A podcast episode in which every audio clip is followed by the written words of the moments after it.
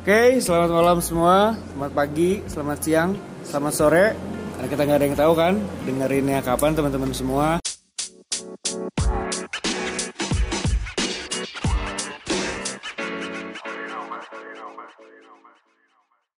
Di balik lagi nih bareng gue Rian.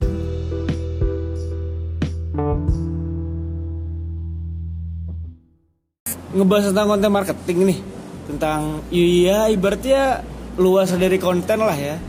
Gue sekarang lagi kedatangan kedatangan nih ya, bertemu nih, Kebetulan berteman. kebetulan berteman, kebetulan bertemu juga bareng salah satu konten kreator yang cukup unik nih. Kalau mungkin kalau teman-teman sih kan mikirnya konten kreator kan youtuber ya kan, podcaster. Tapi sebenarnya ada satu bidang nih yang menurut gue unik dan potensi untuk di bisnisnya nih, baratnya untuk monetisasinya cukup ke- kentang gitu. Di mana berarti konten kreator di bagian mungkin komik ya, komik, Kartun, kartun, ya, kartun. Kalau Di mana komik tuh mediumnya. Oh medium ya, Medium oke. Jadi gue lagi bareng sama Bang Jared atau Jared nih? Jared. Jaret aja Indonesia lah ya. aja lah. Bahasa Jaret-Jaret ya. Ah, sosok Jaret mah. Oke, jadi Soalnya lagi- soalnya suka disama Jaret Leto, Jaret Leto. Ya. Enak Oh, Jared. Leto ya, Iya, enak gue soalnya itu. Jadi sekarang lagi bareng Bang Jared nih, salah satu beliau sih menyebutnya kartun planner. Anjas, keren ya. Kartun planner. Jadi emang gue udah ngobrol-ngobrol banyak sebelum eh, gue ngerekam ini karena emang expert cukup banyak dan juga ibaratnya di dunia perkartunan lah ya. Iya. Perkartunan ini Masa kecilnya tidak bisa move on. ya gagal move on sehingga kartun lagi. Iya, kartun lagi. Cuma menariknya banyak insight yang bisa kita tarik di sini khususnya dalam artian ternyata bisa loh kartun ini dibisnisin gitu. Kan banyak yang kayak belum tahu ya kayak ya ibaratnya misalnya tadi kita ngomongin Dragon Ball, ngomongin ya banyak hal lah Pikachu atau apa pun ya gimana sih cara bikinnya atau kayak ngeduitinnya gimana nih dibisnisin di sini ada nih kita narasumber yang bener-bener tahu lah atau paham dengan experience yang udah cukup banyak gimana caranya dari sebuah kartun bisa menghasilkan lah bahkan bisa dibuat sebuah brand nantinya gitu. Jadi mungkin bisa perkenalan dulu nih Bang Jared.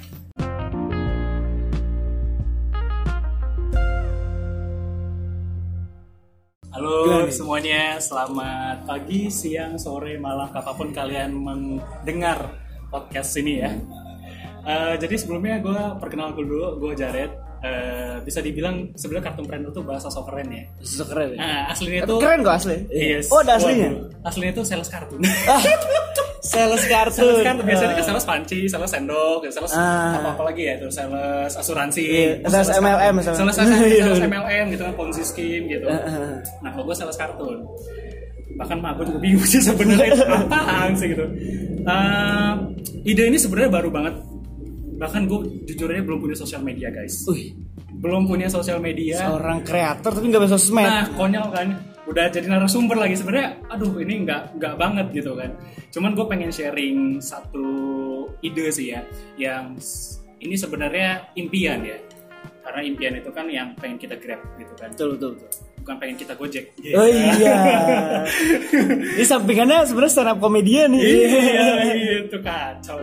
Jadi eh, karena impian itu, impian itu kan pasti selalu meningkat gitu kan. Karena di atas langit masih ada Hotman Paris. Ah, betul. Ya, Jadi kita pengen mencapai ke sana ini salah satu yang jadi pertanyaan besar gue. Kenapa sih eh, Doraemon bisa laku di Indonesia? Kalau kata teman gue ya, gitu. kenapa sih karakter-karakter import bisa laku di Indonesia padahal dari segi cultural itu sangat berbeda gitu. Tapi eh, konten-konten mereka tuh bisa de- dinikmati bahkan dicintai sampai lo remember banget sama momen-momen di mana misalkan Shinchan ketika buka celana eh ada belalai beneran belalai gitu Belalai kan. gajah ya. belalai gajah gitu kan bukan belalai belalai yang aneh gitu Eh gue punya satu pertanyaan kayak gitu ibaratnya tuh gue pengen punya waktu itu gue eh, sedikit cerita dulu ya soal masalah background gue dulu ya gitu kan gue pernah kerja di salah satu studio di Malaysia gitu kan eh, yang nanganin Bobo Boy Oh, Bobo Boy. Bobo Boy di situ nah di situ tuh gue udah dimulai dari production assistant ibaratnya kayak ya bantu bikin kopi sampai akhirnya jadi bantu-bantu menulis dikit-dikit konsentrasi dikit-dikit sampai akhirnya ke arah asisten produser lah gitu kan. Ya tapi kecil-kecilan juga di situ.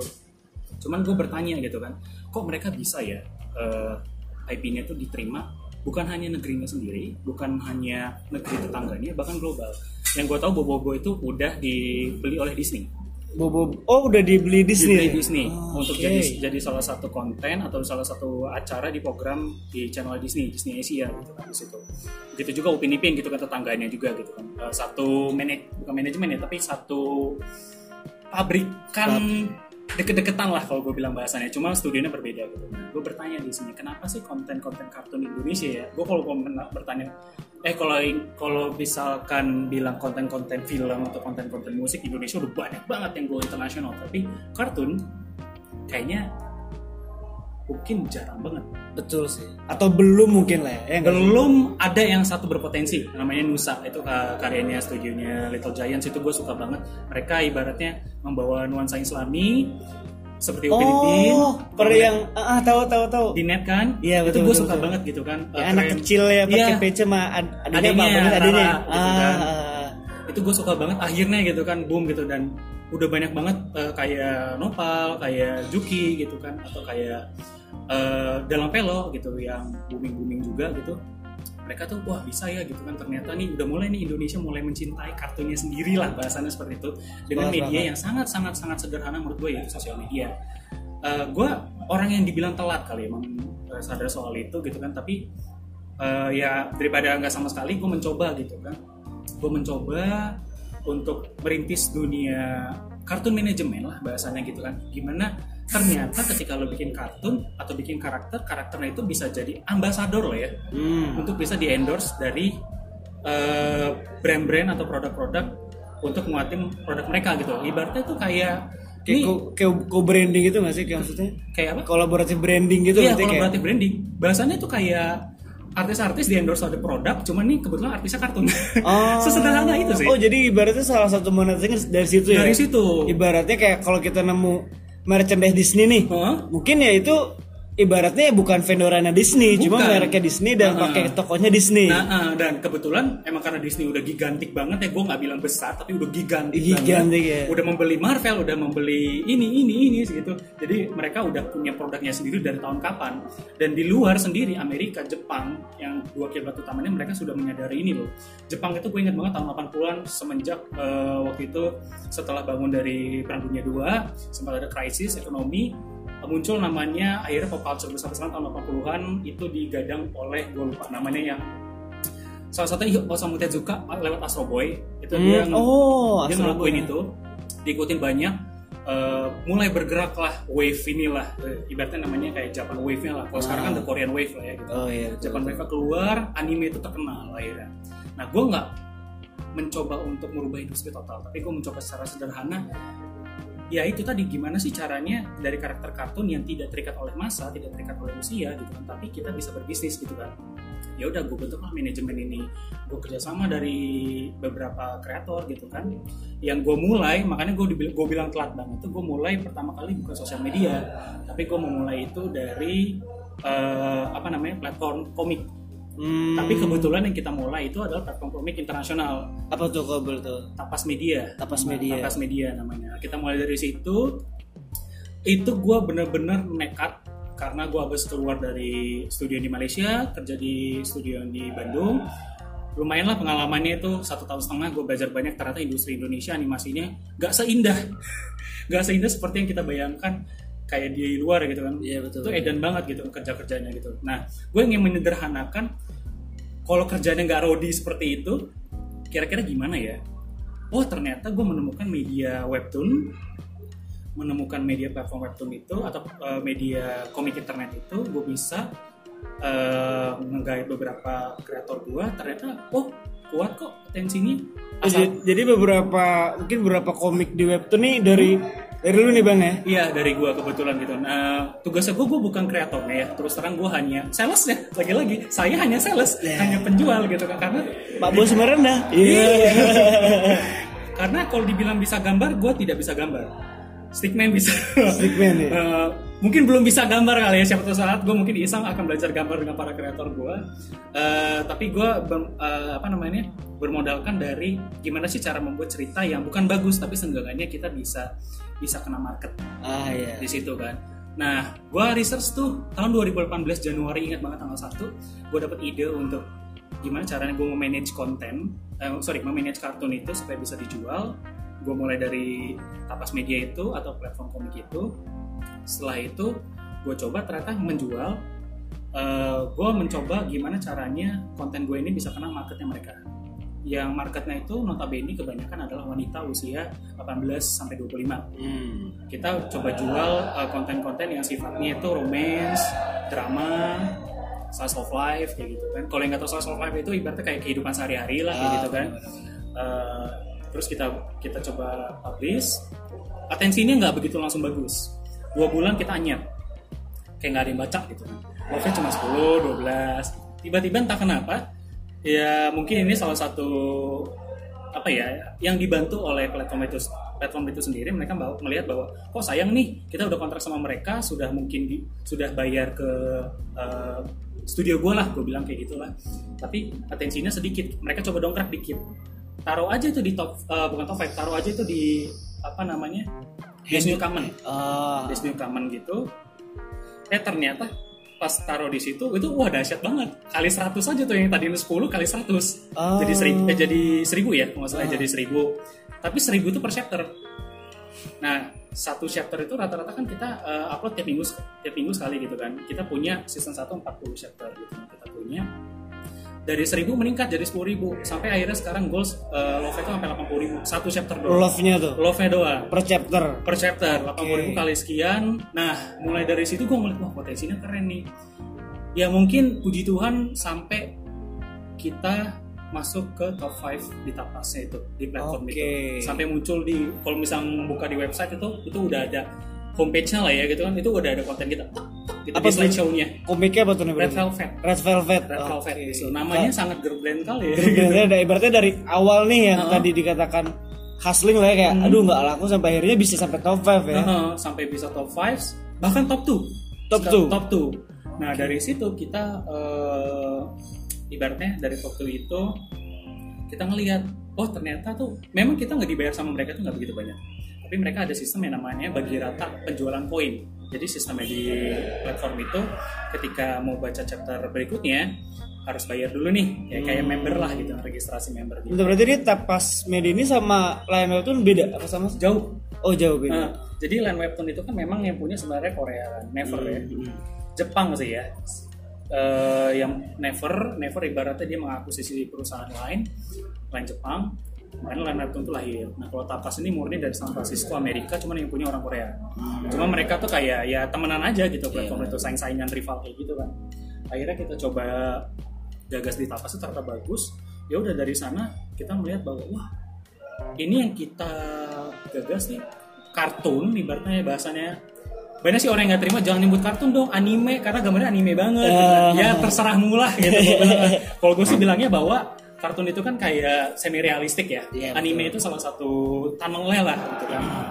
Makanya gue bilang uh, di sini ya gue berbisnis lewat kartun ini lewat media yang bisa gue punya. Nah itu kuncinya sih. Ibaratnya kita nggak usah ngoyo-ngoyo bahwa untuk bikin sesuatu lo harus punya sesuatu yang wah dulu. Jangan sih. Menurut gue ya bener kata-kata orang kayak uh, bener kata Nike menurut gue just do it. Just do it ya. Serius just do it dulu gitu kan uh, eh, gue merasa bahwa gue bukan orang yang bergerak di bidang manajemen, bukan orang di bidang marketing, gue orang yang bidang film, tapi gue just do it lewat apa yang gue punya lewat story, pembuatan story, pembuatan cerita di di bidang film, gue coba transferkan ke media komik dengan elemen kartun, ya udah gue coba ternyata oh lumayan nih atensinya. Dan dari situ gue dari keberhasilan itu gue coba gagas beberapa konten lagi. Ternyata kita udah bikin 8 sekarang 8 komik di Tapas. Itu berhasil dan sebenarnya kayak kalau yang gue ambil juga sebenarnya itu sih kayak tadi kan bilangnya salah lah ya. Cuma iya. intinya kayak menurut gue itulah sisi entrepreneurial kita iya. kan. Berarti kayak oke okay, kayak uh, dengan background film nih mm -hmm. dan mungkin uh, Bang Jared ini emang ahlinya di yang bikin storyboard sebagainya lah ya mungkin. Bikin nulis sih nulis storyboard ya. beda lagi oh beda ya? Nah, beda beda lagi. Kalau gue bukan film kan oh, soalnya storyboard beda lagi yang gambar-gambar deh oh oh kalau sini story berarti yang, yang nulis script. nulis script ah ya? gue backgroundnya dari situ kebetulan. Oh dari situ. Dah akhirnya bisa diterasa ya karena ibaratnya ini kan antara gimana cara kita bisa ngeklopin apa yang kita bisa dengan peluang gitu kan, betul, kan kalau entrepreneur gitu. Nah si Bang Jared ini berarti gue cukup salut sih gitu dengan ibaratnya bisa ngekonekin lah kasarnya kalau kata uh, Steve Jobs connecting dots lah. Iya betul. Walaupun nggak bisa ibaratnya nggak bisa belum ahli lah kalau dalam eh, bang bang Anjar bilang kan kayak belum ahli banget nih Hmm. Banget, eh, ngedit banget. tapi bisa mempertemukan nih idenya yang brilian dengan karakter-karakter yang juga jago yang Ah, akhirnya melahirkan ya tadi 8 komik yang sempat sampai top top 2 di tapas Iya. media tadi gitu betul betul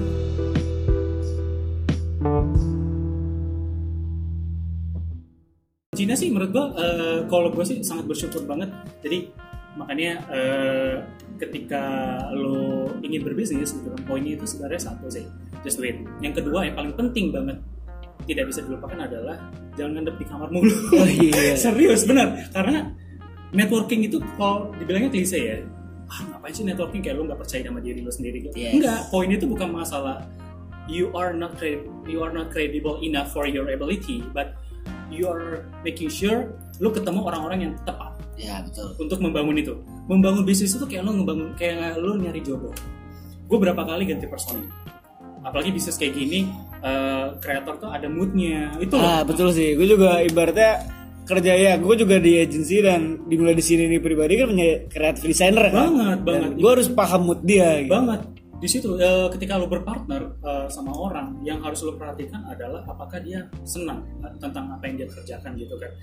Apalagi yang apalagi kreator tuh paling anti soal masalah eh, poin-poin ih kerjaan buat klien ngapain? Nah itu kan. Sebenarnya kita bisa muter balikan apa ya namanya mindset itu sih. Karena gini gak apa-apa lo kerja buat klien gak apa-apa lo kerja buat brand eh, tersendiri gitu. Tapi yang penting adalah gini poinnya. Ketika lo kerja sama brand lo punya income. Ketika lo punya income lo punya tools yang lebih untuk memproduksi yang pengen lo punya eh yang pengen lo bikin. Jadi jangan membuat sesuatu yang pertama kali itu perfect. Itu jelek banget. Kalau lo mau mindsetnya seperti itu menurut gue jangan buang itu jauh-jauh. Steve Jobs pun gue ingat banget ya meskipun gue bukan cipta Apple gitu kan gue Asus fanboy. Saingannya Apple fanboy gitu kan. Jadi dia sebenarnya sosok sosok apa ya apa edgy edgynya anak-anak tidak mampu membeli Apple. Tapi gue selalu suka sama ceritanya Steve Jobs ketika dia mulai pertama kali itu dimulai dari ya elah dia datang waktu itu ke apa namanya ke salah satu komunitas kali ya gue kalau nggak salah ngeliat filmnya itu kan. Ke komunitas dengan gue bilang waktu itu sama partnernya dia Steve Wozniak bawa rongsokan kan Iya. ya kan bawa rongsokan yang lu jual apaan sih? Ya gitu kan di situ. Tapi mereka eh, merasa bahwa kelemahannya mereka adalah mereka dengan hanya ini doang mereka nggak bisa menciptakan produk nah di situ. Itu yang makanya gue bilang just do it ketemu connecting the dots with the suitable people karena menurut gue itu penting banget. Kalau misalkan lu susah nyaringnya yaudah apa yang ada dulu aja apa yang sama lu aja gitu kan. Coba eh, lu lempar ide ngobrol-ngobrol-ngobrol-ngobrol kalau misalnya cocok eksekusinya. Eksekusi kan siapa tahu ide cocok eksekusi belum tentu. Iya, ya. betul, sepakat. itu gue sering banget tuh kan. Eksekusi ternyata dia maunya kayak gini dan gue melihat bahwa marketnya tidak bisa seperti ini gitu kan. Karena kalau lu memaksakan fatal lu hanya buang waktu and your money too gitu kan jadi menurut gue eh, tidak ada bisnis yang pertama kali itu langsung dewa sih Iya. Iya, kalaupun misalkan dia tiba-tiba langsung dewa, tapi menurut gua akan ada fasenya dia kuldesak. Udah dewa nih, perfect, merasa jadi god gitu kan. Gue bisa bikin apa lagi? Kuldesak. Eh, akhirnya buntu tuh di situ kan. Nah, jadi eh, dari keisengan gua yang gue pengen apa ya dari hati gue itu sebenarnya pengen banget pengen mengulang kembali masa-masa kecil gue. Pengen berbagi cerita ketika ingat gak sih lo? Mungkin ya eh, generasi-generasi tahun ya mungkin SD ini yang pas tahun 2000 kali ya. Ah, atau yang SMP tahun 2000-an yang mungkin kecil nonton Let's and Go, yang Tamiya itu, yang Beyblade, eh, nonton Dragon Ball, One Piece, Naruto, yang masih Naruto ini masih kecil banget pertama kali tayang di Global TV. Pengen ngembaliin masa lu bercerita bahwa eh seru ya gini gini gini di sekolah. Gue pengen kembalikan itu. Tapi kan kita nggak mungkin lagi dong untuk datang ke sekolah karena gue udah tidak bersekolah lagi gitu kan. Iya, gue udah bener. udah udah berumur juga 25 nggak mungkin dong lu tiba-tiba datang ke teman lu yang umur 25 eh lu nonton Dragon Ball yang ini nggak? Apalagi anak-anak sekarang tuh mereka bisa nonton episode kapan pun meskipun ketinggalan mereka bisa maraton kan. Iya betul sepakat. tidak kayak kita dulu setiap minggu lu ngomongin "Lu nonton episode Susah ini?" sih karena ah betul nggak boleh ketinggalan nih Iya. Ya. hari Minggu ya kan Nah, Indosiar. Indosiar kayak gue inget banget musuh besar gue ketika apa namanya lu nonton eh lu menunggu-nunggu Power Rangers jam 10 malam eh jam 10 pagi tiba-tiba musuh besar lu adalah tinju Iya. Tai gak sih lu? Ah, bener bener bener. Tai gak sih lu? Lu lagi nungguin nih, misalkan eh, episode yang wah keluar Megazord baru nih si Tommy gitu, Ranger putih gitu kan atau gimana kelanjutannya ketika Tommy atau ketika si Ranger merah diculik oleh si Rita gitu. Ini anak-anak generasi mile- generasi Z nih nggak tahu lagi nih teman ini nih gitu kan. Iya, iya, iya. Lu bercerita sama temen lu gimana ya minggu depannya gitu kan. Sedangkan akses lo hanya TV atau TV parabola yang duluanan. Duluanannya juga cuma beda satu hari. Gue inget banget gue punya parabola itu cuma satu hari bedanya. Gue nonton di TV Malaysia waktu itu inget ya tapi gue menikmatin momen yang ketika lo bercerita diam-diam nyolong guru lagi ngoceh kayak gitu hancur banget ya. sampai akhirnya gue bikin komik dengan gambar sesederhana kok gue masih nyimpen gitu gue bikin komik tentang ibaratnya kalau zaman sekarang bilangnya fan art ya fan art, komik oke, iya. kalau istilah di Jepangan tuh doujinshi ya doujin komik yang versi karakter kesukaan lo gitu kan gue berinisiatif untuk mengembalikan itu ya udah gue mulai dari kartun yang gue punya gitu kan. Dari kartun gue punya mungkin nanti akhirnya eh, kita akan ada ya ngobrol-ngobrol bareng soal masalah. Ingat gak sih lu zaman lu dulu nonton Dragon Ball? Kenapa ya Yamcha mati mulu ya gitu kan? Hmm. kenapa ya Kuririn itu padahal udah latihan tapi skillnya masih payah gitu kan? Culun dulu ya, nggak mulu gitu kan. berubah. Padahal kan ya kita sebenarnya gampang aja jawabnya. Dia kan manusia Goku sayang gitu kan? Iya. tapi Goku tuh pernah ada momen tuh akhirnya panjang diskusinya. Gue pengen mengembalikan itu. Akhirnya mungkin nih pesan gue ke teman-teman juga. Makanya gue gue sangat telat banget. Orang-orang mulai bersosial media gue belum Eh, yang pengen gue lakukan adalah gue pengen selain gue membuat atau mempromosikan produk-produk kartun sederhana gue di sosial media gue ya mungkin ntar kalian nanti mungkin bisa di share kali ya dengan podcastnya bang Rian kali ya nih Instagramnya ini lo bisa ketemu obrolan-obrolan kartun-kartun om-om dulu nih Ah, iya. di ini nih di Instagram ini gitu kan. Nah nanti lo akan menemukan betapa oh dulu bapak saya naas banget ya. Om saya dulu naas banget nonton kartun ya. Gila gue udah bisa nonton. Ya katakanlah Netflix nonton yang gue inget banget itu gue kaget banget. Eh Boku no Hero Academia gue inget banget itu. Gue sampai langganan satu apa namanya salah satu platform anime. Yang keluarnya tetap sama seminggu sekali tapi sesuai tam apa namanya eh, jam yang sama dengan Jepang akhirnya tiba-tiba Netflix keluar jebret Boku no Hero Academia dua season sekaligus kampret Iya nggak sih, dan emang ibaratnya kayak kehilangan experience kayak Nah. sekarang misalnya kayak gue ngikutin One Piece sama Boruto nih ya. Iya. Ibaratnya kalau zaman dulu nih, ketika gue ke sekolah gitu kan, eh lu nonton Naruto nggak kemarin? Nah. Enggak dan kayak apa ya? Kita bakal sedih tapi kayak kalau sekarang, eh lu udah nonton belum? Gue udah nonton Boruto yang baru nih.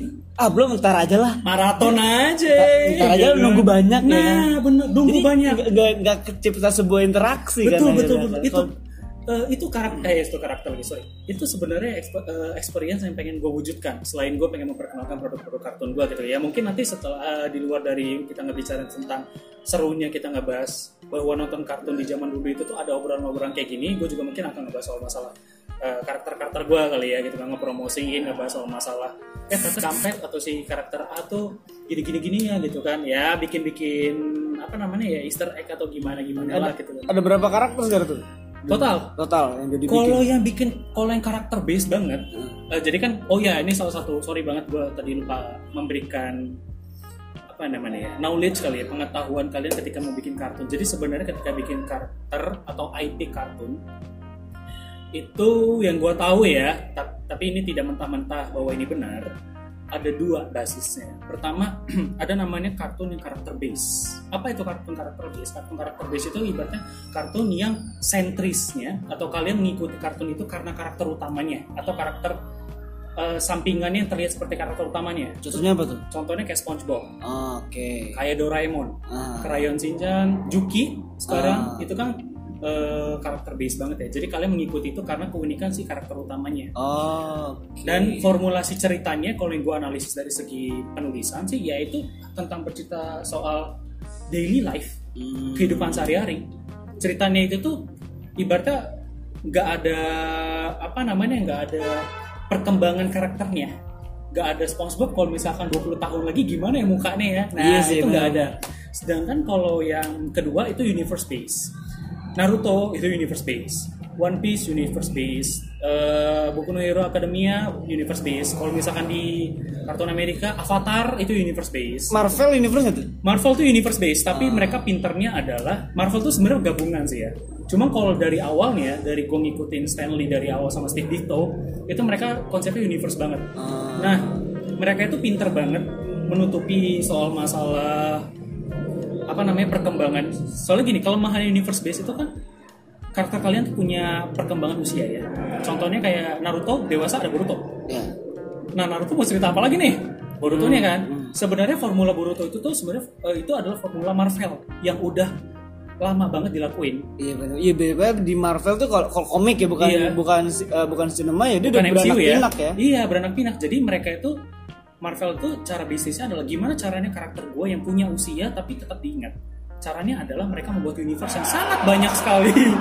ya universe 999, 111. Iya betul betul. Iya Sekarang kan? lagi kalau Marvel Marvel lagi rame kan Iya ya, lagi rame universe ya kan. Iya sampai ada perdebatan alah eh, apa namanya fans Marvel kemarin sore nggak tahu universe gini-gini. Itu gue tidak memperdebatkan hal Iya, itu ya. iya, iya. Cuman gue gue melihat bisnis modelnya mereka itu seperti itu. Oke. Yang dilakukan oleh DC juga sama. Tapi kalau DC lebih rapi. Di situ ada World 1 sampai World 52 sampai sekarang akhirnya di eh, Rebirth. Jadi namanya DC Rebirth di situ. Jadi disatukan semua. Nah, eh, karakter eh sorry eh, kartunya Universe Base itu tidak tidak harus mengikuti cerita atau tidak harus eh, sorry mungkin bahasan kayak gini Eh, boleh juga mempunyai karakter yang ikonik sangat boleh justru nilai plus Ah, kayak Naruto kan karakter ikonik iya. One Piece Luffy ikonik bahkan kita tahu kru-krunya sampai yang kita nggak tidak mengikuti karakter kesehariannya kayak lo tahu misalkan si Edward Newgate, betul, si betul. Shirohige, tahu si Teach, tahu si siapa namanya itu Sabo, lain-lainnya bahkan kesukaan gua bagi Nah, S juga mungkin lah ya. Gitu kan. Nah, lo tahu gitu kan. Karena kenapa? Oda pintar membuat eh, apa namanya karakter yang ikonik gitu kan. Dia memberikan background lah atau memberikan identitas lebih terhadap karakternya. Jadi begitu. Pertimbangan kalian ketika pengen membisnis kartun eh, perhatikan brandnya kalian, IP-nya kalian itu eh, apa? Apakah backgroundnya atau base-nya itu karakter atau universe? Oke. Karakter yang gue punya sekarang tuh semuanya universe base dan rata-rata kayaknya kita hanya berpaku ke cerita. Alasannya kenapa gue belum punya eh, materi yang cukup untuk membuat eh, brand yang karakter base. Lagi development sekarang. Lagi dua kita develop.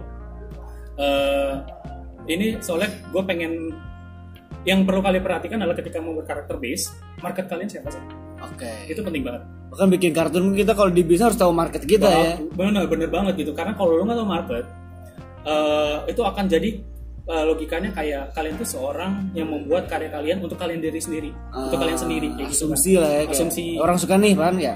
Nah, nah, itu jeleknya eh, kreator sekarang. Oh. Terutama gue ngomongin soal masalah kreator eh, yang di bidangnya pakai elemen kartun ya, baik itu di bidang komik ataupun di bidang animasi. Karena mereka membuat karakter yang oh gue suka nih karakternya gini gini gini gini. Terlalu complicated padahal orang jadinya orang nggak baca. Ah. sedangkan yang sukses sekarang di Instagram yang gue lihat adalah mereka memperhatikan keunikan dari karakternya. Yang tadinya nyoba-nyoba ternyata muncul atensi dari Instagram mereka mengikuti marketnya mungkin contohnya yang gue tahu nih ya mohon maaf kalau salah nih dari kreatornya nih yang mendengar ini nanti Nopal gitu kan. Nopal itu tadinya kreat nggak menentukan market. Makin ke sini dia menentukan market bahwa eh, penontonnya adalah oh bocah-bocah Gen Z nih Ah. yang jokesnya rata-rata tuh surreal. Su- Surah apa surreal tuh maksudnya yang eh, aneh. Receh nggak sih maksud? enggak bukan. Eh, Freak freak.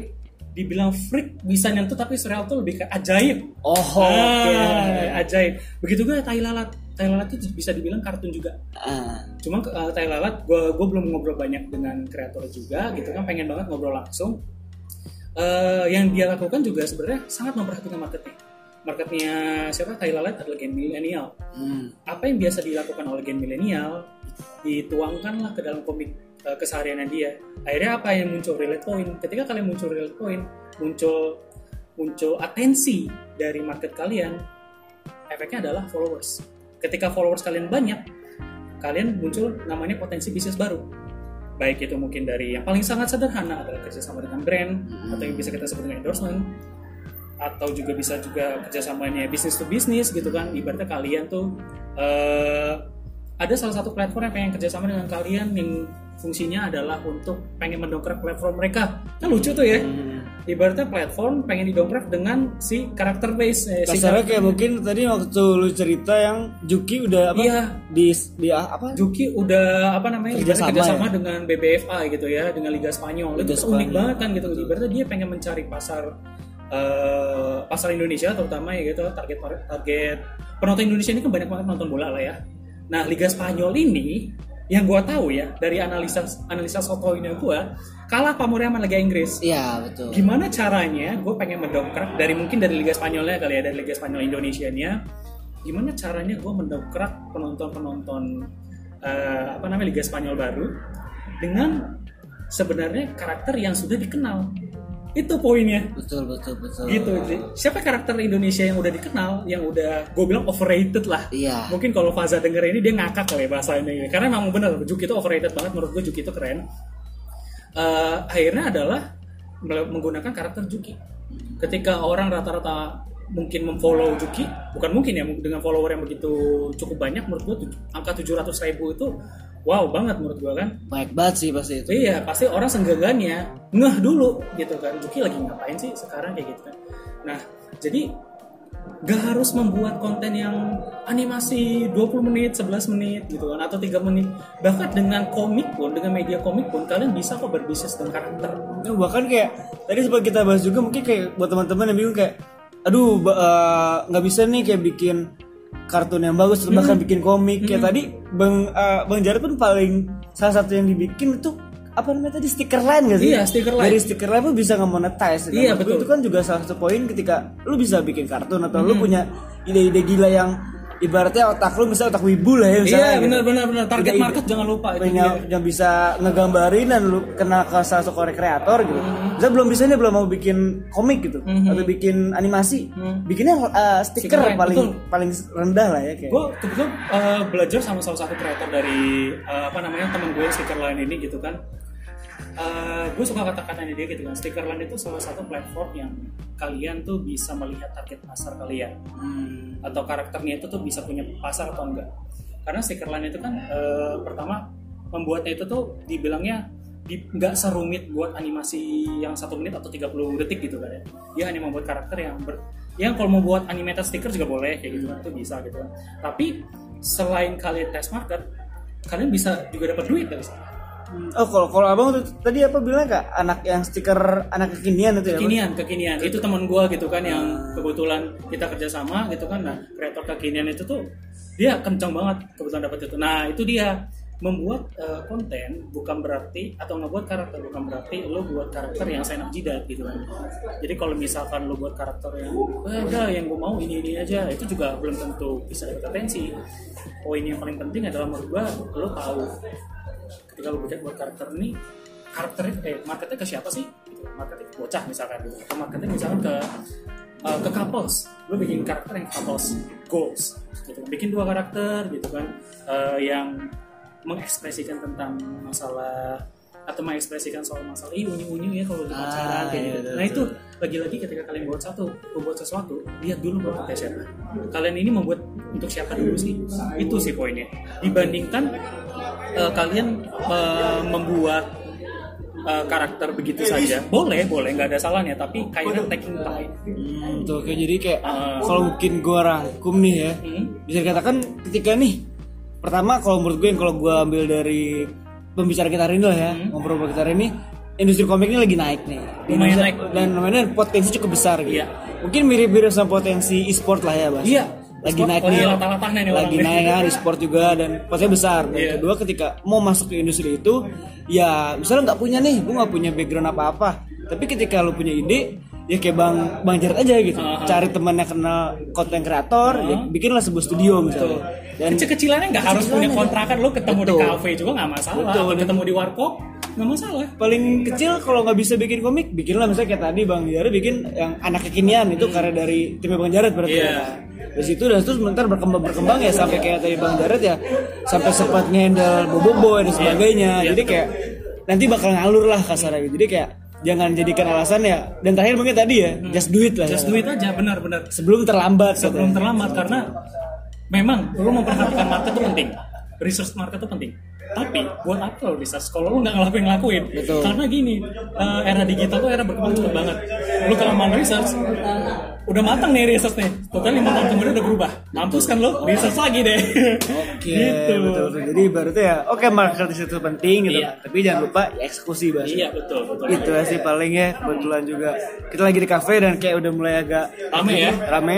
Yang mau tanya-tanya nanti bisa komen aja di bawah. Boleh, boleh. Ntar kita minta nih. Kebetulan juga Bang Jared nggak punya sosmed, Iya. gue paksa punya sosmed. Iya, benar. Lagi Khusus dipaksa. buat balas komen. Iya. siap kata yang udah terkenal ya Iya, oke oke. Jadi thank you banget Bang Jared Siap, atas waktunya, sukses terus studionya. Iya. Semoga bisa go internasional dan Amin, amin, amin. bikin bener-bener ikonnya komik Indonesia lah ya. Kartun Indonesia Kartun. iya Hmm. kartun Indonesia gue kalau komik soalnya komik tuh medium ya Oh media beda ya? Ah, iya. Hmm, ini bahasanya beda-beda nih. Ah, ah, ah. Sukses terus Bang Jared, sampai ketemu lagi dan sukses terus pokoknya. iya thank you Oke, itu aja. Sampai jumpa di podcast kita berikutnya di mulai di podcast.